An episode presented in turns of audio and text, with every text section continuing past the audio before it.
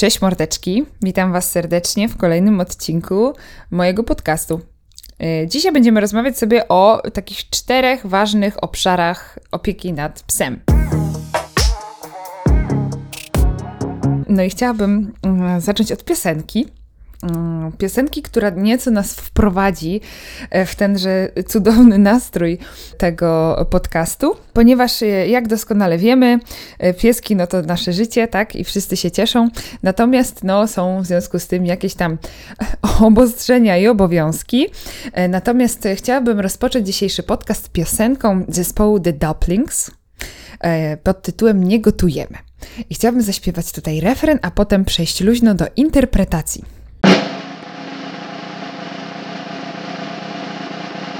Nie gotujemy, nie naprawiamy, miejsca swojego nie mamy, nie sprzątamy, nie witamy, skrzydeł potrzebujemy.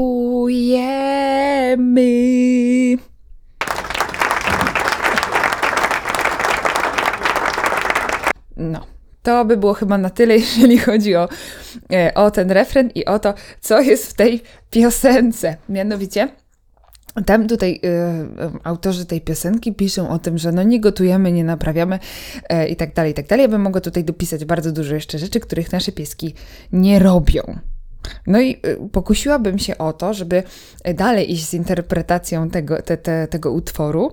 Mianowicie, kiedy bierzemy sobie pieska do domu, no to on jest takim no trochę darmozjadem, nie? No bo jak sobie dzieciaka robimy, czy tam sobie go organizujemy w jakikolwiek inny sposób, no to ten dzieciak kiedyś w przyszłości jest po to, żeby nam podać szklankę wina.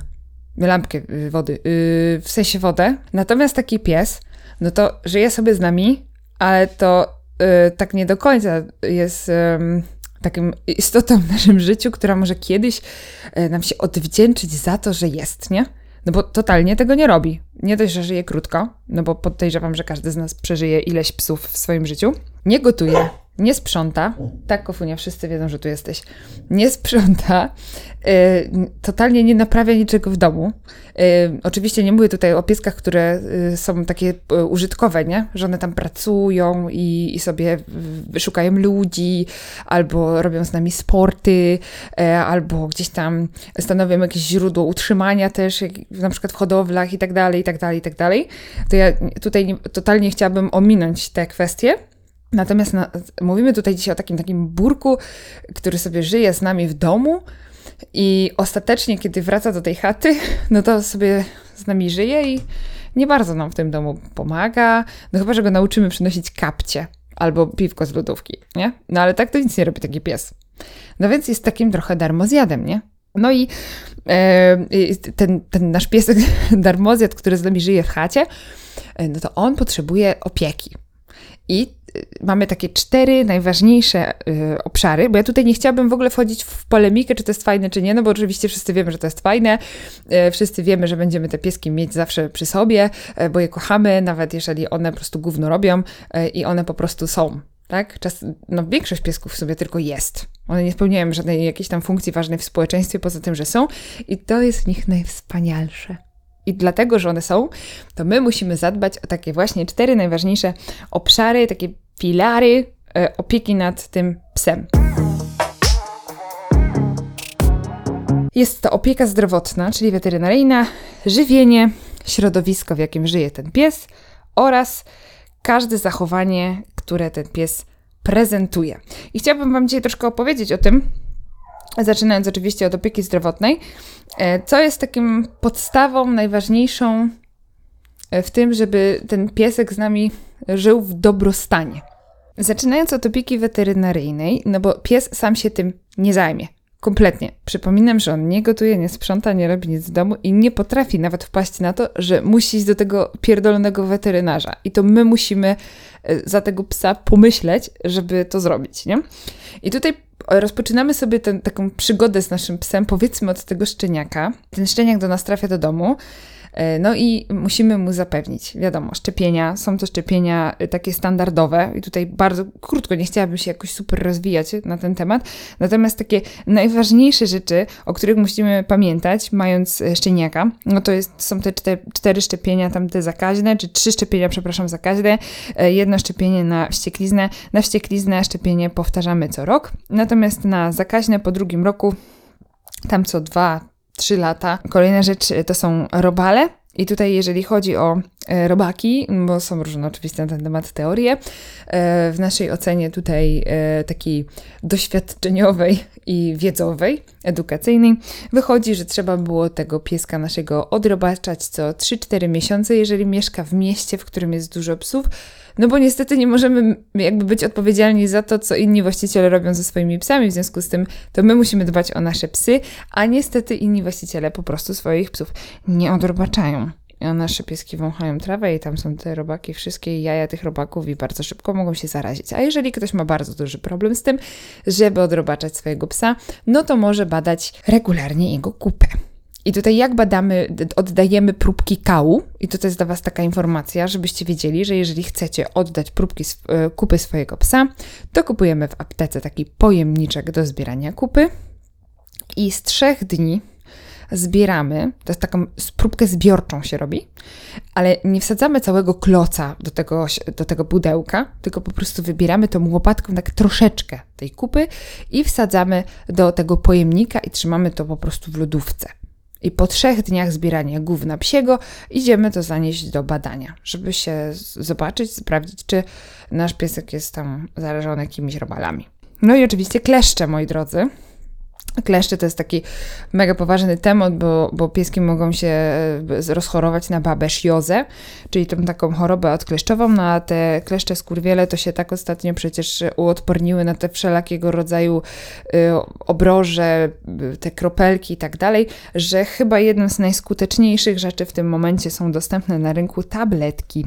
No i tak, jeżeli chodzi o profilaktykę, to e, po czwartym mm, roku życia psa, no to by trzeba było tak raz na rok badać krew, czy wszystko jest w porządku. E, jeżeli są e, niekastrowane na przykład samce, to warto zbadać tą prostatę tak po szóstym roku życia, plus jądra, czy tam się wszystko zgadza. Niesterylizowane suki USG jamy brzusznej raz w roku profilaktycznie, żeby tam się potem nie okazało, że jest jakieś ropomacicze wielkości piłki do yy, koszykówki, a my o tym nie wiedzieliśmy. No bo tak nie wiedzieliśmy, bo nic nie powiedział pies, nie? Że go boli. Także profilaktyka jest bardzo, bardzo ważna w kwestii e, zdrowotnej i dbania właśnie o pieska od tej strony. No i oczywiście tutaj jeszcze jest kwestia sterylizacji, bo jeżeli się zdecydujemy naszą sukę wysterylizować, no to zalecają lekarze mm, sterylizację po pierwszej cieczce przed drugą. Ja się w ogóle na ten temat nie chciałabym wypowiadać, bo ja nie jestem specjalistą, natomiast taką informację otrzymałam już od kilku weterynarzy, z którymi rozmawiam, e, dlatego y, gdzieś tam opieram się na ich y, niezależnej w sumie opinii. No i psy, kastracja od roku do półtora. No i ostatnią rzeczą w sumie w takiej podstawowej opiece weterynaryjnej są badania typowe na przykład dla różnego rodzaju ras. Na przykład dla tych wszystkich tam e, piesków, które mają, e, wszystkich ras, które mają problemy z sercem, e, jakieś tam dysplazje stawów i tak dalej. Oczywiście, jeżeli zdecydowaliśmy się na nabycie pieska z pseudohodowli, no to odbierając go z tej pseudohodowli, powinniśmy od razu mu zrobić komplet badań, bo to nie wiadomo, czy przeżyje, bo wiadomo, co się dzieje w pseudohodowlach. W związku z tym, to są takie rzeczy, które my jako opiekunowie zwierząt naszych, no musimy no, wziąć na klatę i zrobić po naszej stronie, bo nasze zwierzę niestety na to nie samo nie wpadnie. Drugim ważnym filarem e, takiej opieki nad naszym psem są kwestie żywienia. I tutaj oczywiście też to nie jest podcast o tym, czym macie żywić swoje psy, Natomiast poprę się taką statystyką, którą również tutaj ustaliłam z lekarzem weterynarii. E, Aniu, która, e, którą mm, tutaj goszczę u siebie w domu, która uczy się ode mnie trenować, a ja się uczę od niej medycznych aspektów współpracy z psem. Także muszę przyznać, że to jest bardzo fajna wymiana doświadczeń. Jeżeli chodzi o żywienie psów, bo w sumie mówię zwierzęta czasami, ale rozmawiamy o psach, bo to jest gdzieś tam um, temat, który, który jest dla mnie najbliższy. No więc mamy sobie te, to jedzenie. E, I statystykę tutaj podam, że e, pies powinien przyjmować 60% e, białka i 40% reszty, czyli tłuszcze i węglowodany, witaminy, minerały itd., tak itd., tak nie? I tutaj, jeżeli chodzi o jakieś e, kwestie tego, jeżeli się nie, nieodpowiednio karmi e, psa, no to na przykład e, takie są problemy z nerkami, jeżeli ma pies na przykład w diecie za dużo białka. Jeżeli ma za mało, no to są jakieś tam niedobory. I to jest kwestia gotowania jedzenia, bo też zapytałam Ani o to, yy, bo mam z Wami konsultacje i mówicie mi często, że gotujecie swoim psom. No więc zapytałam o to i okazuje się, że żeby gotować psu, to trzeba mieć cholernie dużo wiedzy na ten temat, żeby właśnie dostarczać psu yy, odpowiednią ilość składników. W związku z tym lekarze weterynarii nie zalecają w ogóle gotowania psom samemu, tylko kupowania jedzenia gotowego, jeżeli się na tym nie znamy, bo możemy zrobić po prostu psu, psu ogromną krzywdę zdrowotną. Są firmy oczywiście, które mm, robią takie jedzenie gotowane, które jest odpowiednio zbilansowane, no ale sami nie powinniśmy, nie powinniśmy chyba tego troszeczkę robić, w związku z tym e, proponuję osobiście, może przemyśleć kwestię gotowania i jednak e, zdać się na opinię ekspertów i ludzi, którzy naprawdę siedzą nad tym, e, uczą się w jaki sposób karmić psy, żeby jednak dostarczać im wszystkich składników w odpowiedniej ilości. Tutaj jest jeszcze kwestia barfa, czyli żywienia właśnie surowym mięsem.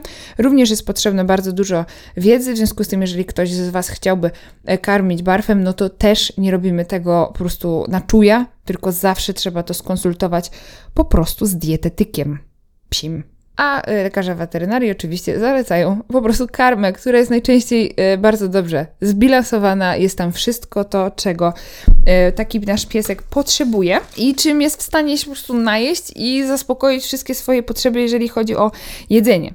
I tutaj kwestia, jeżeli chodzi o żywienie jeszcze, to chciałabym powiedzieć o takich najważniejszych rzeczach, których nie wolno jeść psu. Nie wolno jeść i dlaczego ich nie wolno jeść, bo to też jest ważne. E, więc tak, pierwsze miejsce, e, zacznę od, e, tak totalnie nie od, że ostatnie miejsce i do końca podium, tylko od, od góry, czyli czekolada. Nie wolno jej jeść ponieważ czekolada ma w sobie taki, taką substancję, teobrominę, która może zatrzymać akcję serca. Mamy następną pozycję w menu, czyli winogrono. Również nie można tego podawać, bo tam są afloteksyny które rozwalają nerki. Jakieś takie toksyczne substancje grzybicze się tam e, e, tworzą i mogą po prostu e, totalnie rozwalić psu nerki, dlatego też byśmy nie chcieli. Kolejne miejsce to cebula i czosnek, które bardzo y, mogą zaszkodzić, jeżeli chodzi o kwestię anemii, bo tworzy się y, methemoglobina i może właśnie prowadzić do ciężkiej anemii, a tego byśmy również dla naszych piesków nie chcieli. Podobno są również badania na temat awokado, które może szkodzić psu, e, natomiast nie znalazłam na ten temat żadnych informacji, które by były rzetelne, dlatego też to zostawię. Więc jeżeli chodzi o kwestię karmienia naszych y, psów, no to y, proponujemy jednak się e, zdać na opinię ekspertów, nie? którzy no, uczą się o tym, wiedzą jak żywić te psy i gdzieś tam starają się taką wiedzę przekazywać w jakiś konkretny sposób, współpracują z firmami mm, właśnie, które tworzą karmy. Ostatnio widziałam taką książkę y, nie dla psa kiełbasa, żywienie psa. Muszę, muszę w ogóle zobaczyć, bo sobie nawet zapisałam gdzieś, żeby taką książkę kupić e, jak ją już zakupię, mm, no to y, będę w stanie więcej na, na jej temat powiedzieć. W ogóle myślałam o tym, żeby jakieś recenzje książek również dla Was przygotowywać, no ale mój czas generalnie ostatnio tak e, bierze mnie za mordę, wiesza mnie na takim sznureczku, wiecie. E, ja jestem tam właśnie wisząca, tak moje zdjęcie, taka kukiełka takiego sianka i czas to jest taki baseball i on mnie tak po prostu okłada z każdej strony ostatnio. W związku z tym myślę, że żaden nowy projekt w ogóle nie ma racji bytu aktualnie. No i zostało nam środowisko życia oraz y, zachowanie, które prezentuje nasz pies, i to są takie w sumie dwa punkty. Zaczniemy od środowiska życia, czyli to, gdzie żyje nasz pies. I tutaj mm, jakby my jako opiekunowie zwierzęcia jesteśmy odpowiedzialni w 100% za to, w jakim środowisku ten pies żyje. Więc jeżeli nasz pies obawia się jakichkolwiek rzeczy, które się wokół niego znajdują, to naszym obowiązkiem jest w taki sposób z tym psem funkcjonować w tym środowisku, albo z takim, w taki sposób przepracować to środowisko z naszym psem, żeby ten pies poczuł się bezpiecznie, bo on totalnie nie ma wpływu na to, co się wokół niego dzieje, bo skoro idzie z nami na smyczy po chodniku i my go wprowadzamy w te wszystkie pierdylion sytuacji, które mogą się gdzieś tam wydarzyć, i ten pies jest z nami na smyczy, w związku z tym jest od nas w 100% zależny i na przykład często nie może uciec z jakiejś sytuacji, a my go wprowadzamy w te sytuacje, które są dla niego kompletnie nie do przejścia, jak minięcie, nie wiem, śmieciarki, innego psa, człowieka w kapturze, y, jakaś tam, jakiś hałas na ulicy, jakaś, nie wiem, budowa, y, te wszystkie takie kontenery, które mogą być dla niektórych psów po prostu przerażające, no to ten pies jest z nami, jest od nas zależny i totalnie nie, może nie czuć się przy nas bezpiecznie. Dlatego, jeżeli jakiekolwiek środowisko wśród nas jest, obojętnie czy to jest dom, czy jakieś podwórko, czy gdzieś zabieramy psa na spacery i tak dalej, musimy pamiętać o tym, żeby to zwierzę czuło się tam bezpieczne i to naszym zasranym obowiązkiem jest zapewnić temu psu poczucie bezpieczeństwa. Dlatego musimy naprawdę skupić się na tym, jak idziemy na spacer z psem, nie na komórce i na tym, co tam kto nam polajkował na mediach społecznościowych, tylko niech to będzie wyjście z psem, gdzie będziemy dbali o komfort tego zwierzęcia w każdym środowisku. A pamiętajcie, że bardzo często nie mamy wpływu na to, co się pojawi za rogiem. Totalnie nie mamy na to wpływu. E, nie wiemy, co tam gdzieś tam ktoś wyjdzie z, za krzaków, wystraszy naszego psa, co zrobi na przykład jakiś pijany człowiek na ulicy w stosunku do naszego psa. Totalnie nie mamy na to wpływu, ale nasz pies tego nie wie, bo nie ma wyobraźni, dlatego będzie sobie kojarzył każdą chujową sytuację, którą spotkamy na ulicy, z tym, że przy nas nie może czuć się bezpieczny. Dlatego trzeba to poczucie bezpieczeństwa budować i jednym ze sposobów takich, bo ja tutaj mówię o sytuacji, kiedy zwierzę jest troszeczkę zlęknione środowiskiem, no bo jak jest, wiecie, wyluzowane, ma wszystko w dupie, niczego się nie boi, to jest inna sprawa, nie musi, i tak naprawdę zapominamy o tej kwestii tego środowiska, no nie?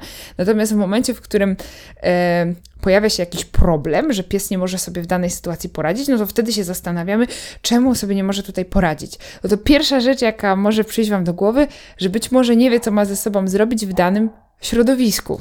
Ale oczywiście nie będziemy o tym myśleć e, wtedy, kiedy, sobie, kiedy się nic nie dzieje, tylko dopiero jak się coś stanie. Więc pierwszą rzeczą, jaką robimy w takiej sytuacji, w której nasz pies czuje się na przykład zagrożony, to zwiększamy dystans od tego zagrożenia. To jest najważniejsze, co trzeba zrobić, bo jeżeli coś jest dla psa za blisko i sobie z tym nie radzi, no to w momencie, w którym go zostawimy w tej sytuacji i on będzie dalej w tej sytuacji i nie będziemy go zabierać z tego, a to coś będzie tam stało, no to on może sobie z tą sytuacją po prostu y, nie poradzić sam. Także środowisko, przede wszystkim każde, w które zabieramy naszego psa, to jest jakby to, to my musimy zadbać o to środowisko. Więc jeżeli wiemy, że nasz pies do nas nie wraca na przywołanie, to nie puszczamy go na smyczy w parku, bo poleci do każdego psa, może wystraszyć kogoś, przewrócić, pogryźć. Wiecie, jeżeli wiemy, że nasz pies na przykład może kogoś ugryźć, to nie puszczamy go luzem jeżeli na przykład pracujemy dopiero nad czymś, tak? Jeżeli wiemy, że nasz pies goni, nie wiem, rowery, to też nie puszczamy go nad wartą, gdzie jeżdżą ludzie rowerami, luzem, kiedy on nie umie jeszcze wracać na każde przywołanie, nie? I tutaj płynnie przejdziemy do kwestii zachowania, ponieważ to my musimy jakby zarządzać zachowaniem zwierzaka. I to nie jest tak, że ja często od Was słyszę takie tłumaczenia, że on się tak zachowuje, bo on tak ma, bo on ma taki charakter i tak dalej, i tak dalej. Tak jak wspomniałam w ostatnim podcaście, będziemy mieć takie psy, jakie sobie zrobimy. Więc jeżeli wiemy, że nasz pies ma jakieś konkretne zachowania, które nam się nie podobają, które na przykład uważamy, że są niebezpieczne dla otoczenia, albo totalnie nam nie pasują i chcemy je zmienić, no to my musimy to kurwa zmienić, bo pies na to nie wpadnie sam i nie stwierdzi, że zmieni to zachowanie, bo moja pancia tego zachowania nie lubi. No totalnie to tak nie działa, nie? Więc e, pies musi mieć wprowadzone przede wszystkim takie zasady, jak funkcjonować z nami w domu. E, musi wiedzieć, że nie dostaje wszystkiego tego, co chce, bo jeżeli go tak nauczymy, a wierzcie mi, że pracuje po prostu z taką ilością brajanuszy, atencyjnych gnojków, że one mają wszystko, co chcą, bo ludzie nie potrafią pracować z psami i nie rozumieją, że ograniczenia są normalne i trzeba je wprowadzać w codzienne życie, no nie? Także e, tutaj to jest e, mega, mega ważne, żeby o tym pamiętać, żeby nie pozwalać na wszystko psu, żeby ten trening był wprowadzony, czyli taka celowa zmiana zachowania żeby zaplanować psu wzbogacanie tego życia, żeby poznawał różne rzeczy. Pamiętajcie, pies uczy się przez doświadczanie.